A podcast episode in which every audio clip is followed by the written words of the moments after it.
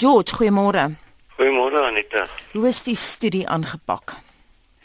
Hulle het 'n interessante uh, waarneming gemaak deur na bejaarde mense te gaan kyk, uh, al byna 1700 mans en vrouens geneem uh, wat uh, gemiddelde ouderdom van 73 gehad het en uh, wat sonder demensie was aan die begin van die studie toe die studie begin het. En toe het hulle hulle oor 'n 5 jaar periode gevolg en gekyk wat gebeur met hierdie mense. En uh, dit was eintlik skrikwekkend die bevindinge gewees uh dat uh, die die risikofaktor van uh, mense wat wat te lae vlakke gehad het, het vir die gewone demensie met 53% gestyg.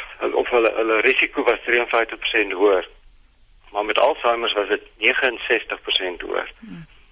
Nou onlangse navorsing het ook uh, beweer ons benodig eintlik nie Vitamiin D aanvullings nie, want ons kry genoeg sonlig en dit gee vir ons die gewenste vlakke in ons liggame. Hoe verskil die studie dan?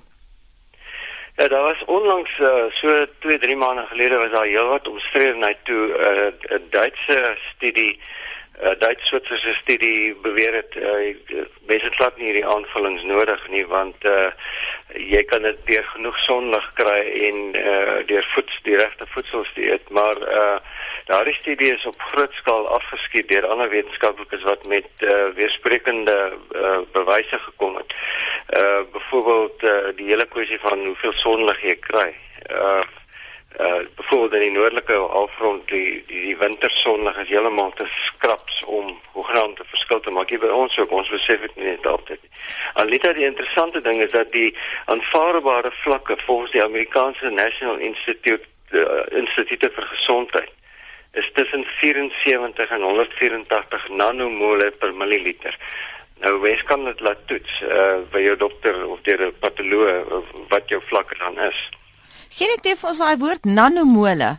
Ja, nanomole is nanomolekules per milliliter.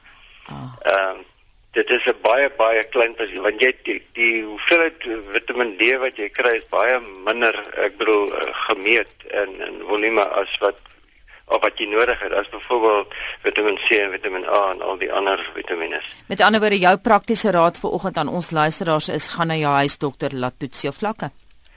Ja, of uh, die een van die uh, bevindinge wat hulle juist gemaak het wat wat wat mense kan sê wat moet jy dan doen om genoeg Vitamiin D te kry is dat uh, jy weet een van die interessante aspekte is dat ons dink altyd goed ons moet in die son wees in die winter moet jy nou in jou sonnetjie gaan sit en bak. Mm. Maar ek het onlangs na 'n lesing geluister deur 'n Amerikaanse professor hier op Stellenbosch wat uh, navorsing doen oor velkleur en hoe dit ver verander het oor tye en sy het dit baie duidelik aangetoon dat die winter die die die hoek waar teen die ultravioletstrale van die son inkom in die winter is so uh, is so so so so uh, hoog dat hy gedeflekteer word. Met die gevolg jy kry eintlik nie baat uit die son in die winter deur in die son te sit nie. Baie dankie. Jy kry nie Vitamiin D nie op daai manier nie. So dit dit bring dat jy dit deur voedsel of deur uh, ander meganismes moet kry.